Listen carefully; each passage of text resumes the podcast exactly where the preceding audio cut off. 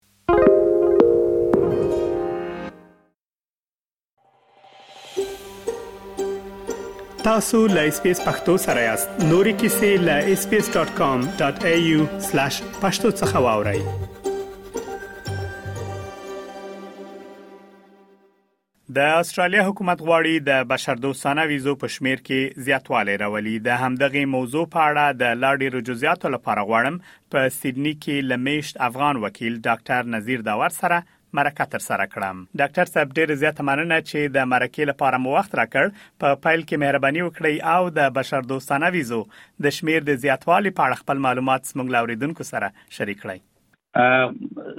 مننه منیب صاحب زه هم په خپل وار باندې تاسو ته تاسو ټول همکارانو ته او ټول موږ هغه افغانان چې موږ تاسو پښتانه چې موږ تاسو आवाज اوري خپل سلامونه او نیکی هیله وړاندې کوم دغه سوال چې تاسو وکړ په ارتباط دی چې چې څومره په دې هومانیټیرین ویزو کې د بشر دوستانه ویزې ډېرې شوې دي تقریبا تاسو خبر یاست په دې باندې چې تقریبا یو لسم د اگست باندې وزارت د ایمیګریشن خپل وزیر اعلان وکړ چې دوی دغه دوی په اصطلاح باندې هومانیټیرین انټیک ورته وایي یعنی تعداد د دغه ویزو چې دوی بشري د بشري ویزو هغه تعداد دی چې مخکې په اصطلاح باندې هغه ولا زره تقریبا وو هغه پورته کړی دا 2000 ته قبلا ولا زره واته سو 15 یا ویزه وی اوس تقریبا یو 2000 او یو سلو 15 ویزه نورم پکې اضافه کړي چې اوس هغه په اصطلاح هغه کلنیز تعداد د ویزو چې دوئ ورکوي خلکو ته شلو زرو ته رسیدلی اګر چې دا قبلا د حزب لیبر پیش هغه نه چې په قدرت باندې ورسیږي دا وعده یې کړې وه چې دغه به اوویس زرو ته رسوي خو ولیکن تر اوسه پورې اوویس زرو ته نه ده رسیدلی د البنیزي چې صدراعظم د استرالیا ده د هغه وینا کې ویلې په خپل وینا کې چې یولس فیصد موږ خپل دغه قبولی دی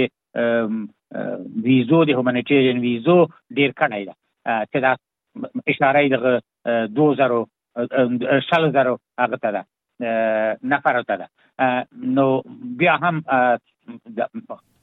لایران او څوک چې دغه ارته کې کار کوي د هیومن رائټس کسان د کسان چې ریفیوجیانو طرفداران دي هغه اورګنایزیشنونه او ادارې دغه دغه اضافه کول د 2000 یو سل پنځويس پلیسز چې دوی ورته وایي چې هر درخواست ته اشاره ده د درخواست د ویزې ته اشاره ده هغه ته ویلکم یې ده ویل چې دا یو ښه اقدام ده ولیکن کافي نه ده نظر په وضع د دنیا کې او نظر په وضع د افغانستان کې چې بعد 15 د اگست نه په افغانستان کې د 2000 یویشتم کال نه شروع شوې ده نو دا کافي نه ده ولیکن دغومره ډیر شوی دی بله ډاکټر صاحب کېدای شي زموږ د یو شمېر اوریدونکو لپاره دغه د بشردوستانه یا هیومانیټیرین ویزو اصطلاح یو څه نوې اوسېږي کېدای شي په دې اړه لږ وضاحت ورکړي چې دغه بشردوستانه ویزې څه ډول ویزې دي او دا چاته او د کومو هیوادونو خلکو ته ورکول کیږي که سړی که سړی په سکه د جمعي باندې جمع کی دا ریفیوجي ویزې دي او د مهاجرو کډوالو ویزې دي دا دا هغه کسان دي چې چې په خپل وطنو کې ژوند ورته سخت شوی ده په اساس د کنوانسیون د د ریفیوجي د ملل متحد باندې چې په هغه کنوانسیون کې په ماده د اول کې ریفیوجي لا کډوال تعریف کړی ده چې هغه کډوال هغه څوک ده چې د په دغه پنځه دلیله یې ورته ویلي دي چې لا د د دوی د ژبې په خاطر د دوی د دین او مذهب په خاطر د دوی د قومیت په خاطر د دوی د سیاسي عقیدې په خاطر لا د دوی شمولیت په ځینو اجتماعي کړیو کې چې هغه هم د پرسیکیوشن چې دوی ورته وایي چې هغه هم د تعقیب او تعقیر او بازګرد لاندې وي په هغه هیواد کې او سیفټي او امنیت ونه لري نو دغه دغه کسان چې خپل وطن نه که ژوند نشي کوای وزي باندې څه دي ملل متحد د یو ان ایچ سی آر لا د کډوالو د ادارې له طریقه او څه هم د مختلفو هیوادو د هومانیټیرین پروګرام چې دغه بشري پروګرامونه چې دوی ورته وایي دغه په دغه په چوکاټ کې د خلک په مختلفو هیوادو کې د آرام ژوند په خاطر باندې چې هغه خالی دی ټولو مشکلاتو دی به اصطلاح د سیاسي مذهبي د دیشیانو نه وي چې هغه پنځه دلیل چې ما مخکې ذکر کړ چې دوی چیرته د باسپورس وړ نه وي څوک دوی تحقیر توهین او دوی ته اجازه دي دوی د د دوی هغه د عقیده د اجرا د مراسم او دا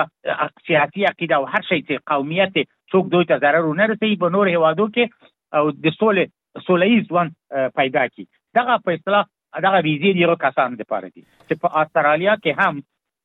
که موږ د ایمرجنسي ایواکویشن ویزه د دوی نه جدا کړو چې په ابتدا کې افغانانو ته بعد د 15 د اگست نه د 2020 کال نه ورکړای شوی و چې هغه ایمرجنسي ایواکویشن ده چې موږ تاسو څلور سوه څلور نوي ویزه د سب کلاس ده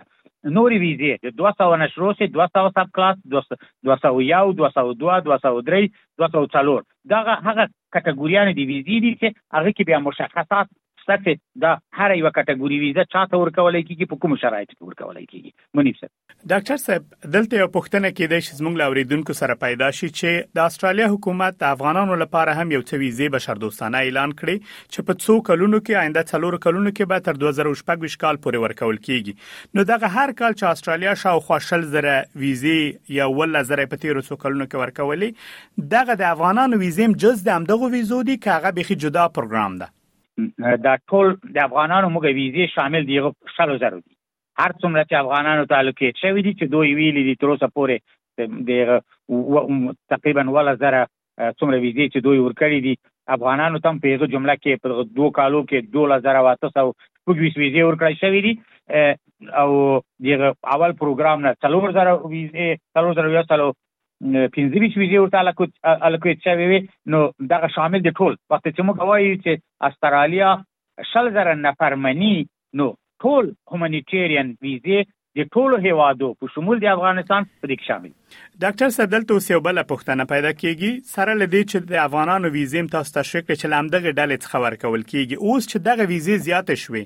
آیا دا په دې معنا لري چې امکان لري افغانانو ته هم زیاتې ویزې ورکړي که نه افغانانو ته به همغه لیمټ چې په مخکې ټاکل شوی همغه کې به دوی پاتې کیږي منیب صاحب دوی خو افغانانو ته ویلي دي کنه چې موږ په د مختلفو ګروپونو د اډوکاسي چې موږ د پارلمانټریان سره د وزارت امیګریشن سره د د پرایم منسٹر د دفتر سره د پارلمان سره په دې کې موږ په تماس کې یو موږ ته دایمن وایي چې وخت چې ډیر سي تاسو ته هم پکې ډیریږي ولیکن رسما چا اعلان نه کړی دی شي چې دا به په دغه تعداد کې ډیر شوی دا به افغانان هم شریکي ولی ولیکن د د په اصطلاح د د عملی له نقطې نظره باید پکې شامل سي نو دې کې بیا ځای نه لري چې وایي چې نه د افغانانو ته بس دي ځکه چې افغانان اوس لویترین پرابلم په دنیا کې یو افغانان دي چې دا لري او ډیر افغانان چې حتی د استرالیانو سره کار کړی د تر اوسه پورې دیغو کسان فامیلونه لا نه دي راغلي چې دوی هغه اف ګان لی پروګرام چې دوی یو ته جوړ کړی یو چې هغه جمله یو 2000 کسای راغلي دي د په حدود 2000 کسو کې هغه دقیق هغه د تویل نه شمه چې څومره د 2000 او یو تل او څو دي ولیکن خو په اصطلاح هغه د حدود 2000 خو او شا کې دي چې هغه کسان راغلي چې دوی متحد وو چې هغه راولي دا نور خو نو اوس خو یعنی په اصطلاح هغه کسان چې داخل دی افغانستان کې دي دیغه افغانستان خو هر ورځ رد کیږي هغه وی دی هر ورځ درخواستونه رد کیږي په دې خاطر باندې دوی رد کوي چې وایي چې موږ دې کپاسټي نه لرو او بل دا چې دوه کاله کېږي دوی په افغانستان کې دي او په افغانستان کې دوی چې اوس دوی پرایورټي نه دي ځکه چې هلته دي په داخل د افغانستان کې او بل دا چې په افغانستان کې د بایومټریک جیونه نشته چې دوی منبع نشته چې دوی وکي د میډیکل تست مرجع هلته وجود نداره او بل د دوی باسل با د ویزې نه هم خطرونه ایجادوي که دوی واقعا هم په خطر کې اوسي نو په دې اساس باندې دوی اوس هغه کسان چې په افغانستان کې دي ټول ویزې په خطر کې دي دي خو چې اکثریت رد شوي دي اوس او ځینې نور هم شاید رد دي دا د ما نظر د شخصي دولت کوم اعلان نه کړی په دې مورد کې ولیکن موږ د خپل تجربې نه دا خبره کوم ډاکټر صاحب تاسو هم رد شویو کیسونو ته اشاره درلوده او پر رسنیو کې هم راپورونه ښیي چې د شاوخوا 15 زره افغانانو د بشردوستانه ویزو غوښتنلیکونه رد شوي دي پوښتنه دا ده هغه کسان چې په افغانستان کې دي او کیسونه رد شوي او سبا ورځ تصمیم نیسي چې لاړ شي پاکستان ته ایران ته یا کوم بل هیواد ته او له هغه ځای څخه بیا غوښتنلیک سپاري آیا دغه اول ځل ردیدل به د دوی پر دویم غوښتنلیک تاثیر ولري او کنه او که ستاسو نظر په دې اړه څه ده چې په هغه حالت کې به دوی د 1951 کال د کنوانسیون کوم تعریف چې ده د مهاجر به دوی هغه ته برابرېږي او ممکن دوی دویم ځل بیا رد نشي یا پر دویم غوښتنلیک باندې هیڅ تاثیر ونه لري ګوره منیب سه تبعید اول په حساب په اساس قانون د قانوني نقطې نظره هر څوک حق لري هر څو واره هومانیټیرین ویزې ته لدا بشري ویزو ریفیوجي کلیو کډوالي ویزې ته دوی اپلیکیشن ورکړي هیڅ ممانعت په دې کې نشته ولیکن دا چې هغه سابقه تصمیم به دوی باندې تاثیر ولري د ما نظر شخصي دا ده چې بلې وو دا دا تاثیر لري ځکه چې یو رد شوی دا ګوري چې څه حالت کې وو بل که په هغه کسان چې بعد د تصمیم نه هم یو یو قوي تغیر د دوی په هغه شخصي ژوندو کې لا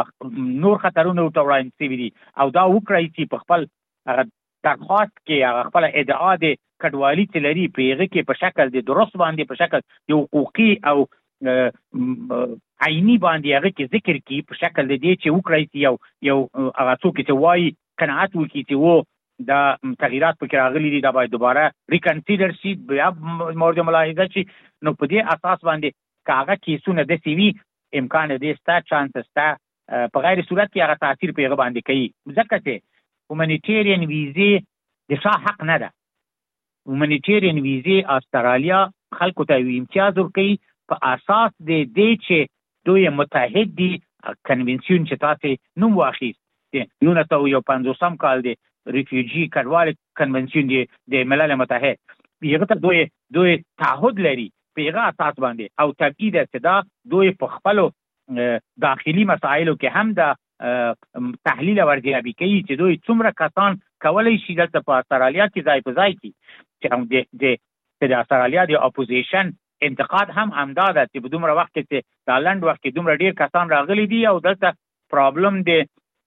زیست او د مکتب او د انفراستراکچر او د ټول شیانو دلته موجود ده خو خیر په هر صورت هغه داخلي خبرې دي ولیکن د باندې په اساس باندې یعنی که څوک رد شي دا ویزه حق د اپیل او استیناف نه لري نو په دې اساس باندې که څوک رد شو رد شو ولیکن که د افغانستان بیا درخواست کوي هیڅ معنا نه لري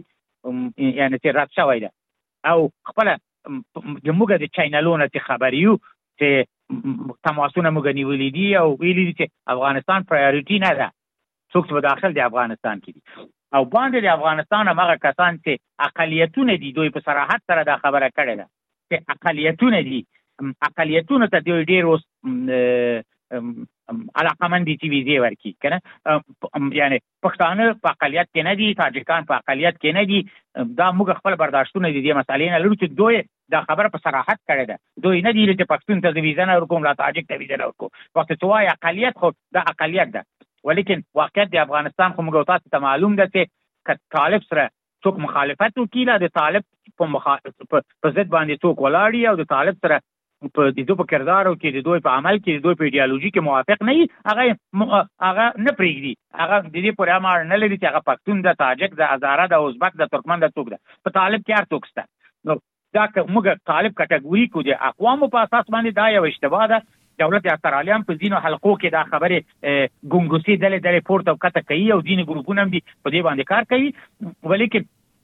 دا چې وی طالب دی یو ګروپ مخالف ده لا د بل ګروپ مخالف ده دا به درسته خبره نه وي طالب دی هر چا مخالف ده دا غا درسته خبر ده چې دوی سره موافق نه وي او د دوی په د دوی د دوی ډول ته اتڼ ونه کړي هغه خلکو سره موافق ده نو دې کې پښتون تاجک هزاره او ازبک ټول شامل دي نو دغه د دولت پالیسی په دې اساس باندې لږ تاثیر گذاره شوې ده نو په دې اساس کې کار روان ده ان شاء الله چې دغه د د استرالین د پولیټیشنانو چې هغه سطح د دانش دی او آگاهی دی د افغانستان د من نه لا هم تکمیل نه ده دوی او هم اوس هم لا په ځینو ځینو خبره باندې باور لري چې اوس دنیا کې هغه ټوله افشا شوې ده نو دوی اوس هم ځینې خبرې کوي چې ټول خلکو ته هر هر سړی ته اوس په یویشتمه پیړۍ کې معلومه ده چې څه خبر په افغانستان کې روانه ده نو دا شیان دا سیاستونه تاثیر لري په دغه ویزو باندې کار پر روان ده ولیدای شي چې دا چی کیږي که تاسو سوال ته مې صحیح جواب ورکړی هغه به دا وي چې څوک چې په داخل کې دي ویزې رد شوي دي او نور هم هغه هم ډېره توقع نه لري هغه هم رد کېږي نو بیا د افغانستان نه د بل درخواست ورکول زما په نظر شخصي باید یو حقوقدان باندې چې دغه ارته کې کار کوم معنا نه لري ولیکن که د وطن نه د باندې دوی ته بعد دغه تصمیم نه هم لا په جریان دغه تصمیم کې نور خطرات واقع شوي چې هغه خطرات په شکل د عیني باندې د دوی ځوان په خطر کې اچولې او د یو خطر سطح دومره وي چې د دوی ژوند په خطر کې وي باندې وتلي او دا بيا وکړی چی په خپل درخواست کې په شکل دې درست باندې د مشورې د يو حقوقدان سره چې هغه په قانون دې کډوالي باندې پوه شي هغه سره په مشوره کې داسې یو شی جوړ شي بیا هم چانس چانس شته اگر چې تعهد نه ذکرای چې ټول ته به دوی ویزه ورکړي ولیکن خو چون شل زره کېدای چې دا فشارونه ډیر دي نور هم دا ډیر شي دې ته خوشبینی لرو موږ او وعده هم کړې دی ویل دي چې د وی زره کسان یې ویلي دي اوویشت که زره ډېر کسان دي او تقریبا موږ اوس درې څلوېښت زره او دوه سوه اپلیکیشنه لرو چې د استرالیا امیګریشن ته رالیږل شوي دي او دا هم دومره ډېر دومره ډېر خلک نه دي که دا انټیک ډېر شي دغه پذیرش ډېر شي نو شاید په دوه درو کالو کې دې خلکو ته یو یو جواب مثبت ورکړی شي. په سیډني کې میشت افغان وکیل ډاکټر نذیر داور له تاسو نه ډیره زیاته مننه چې د مرکې لپاره مو وخت راکړ او دغه معلومات مو زموږ له اوریدونکو سره شریک کړه. مننه منیب صیب زه ستاسو خدمت کې یم امیدوارم دا معلومات چې موږ موږ صحبت په وکړ د افغانانو لپاره مفید وي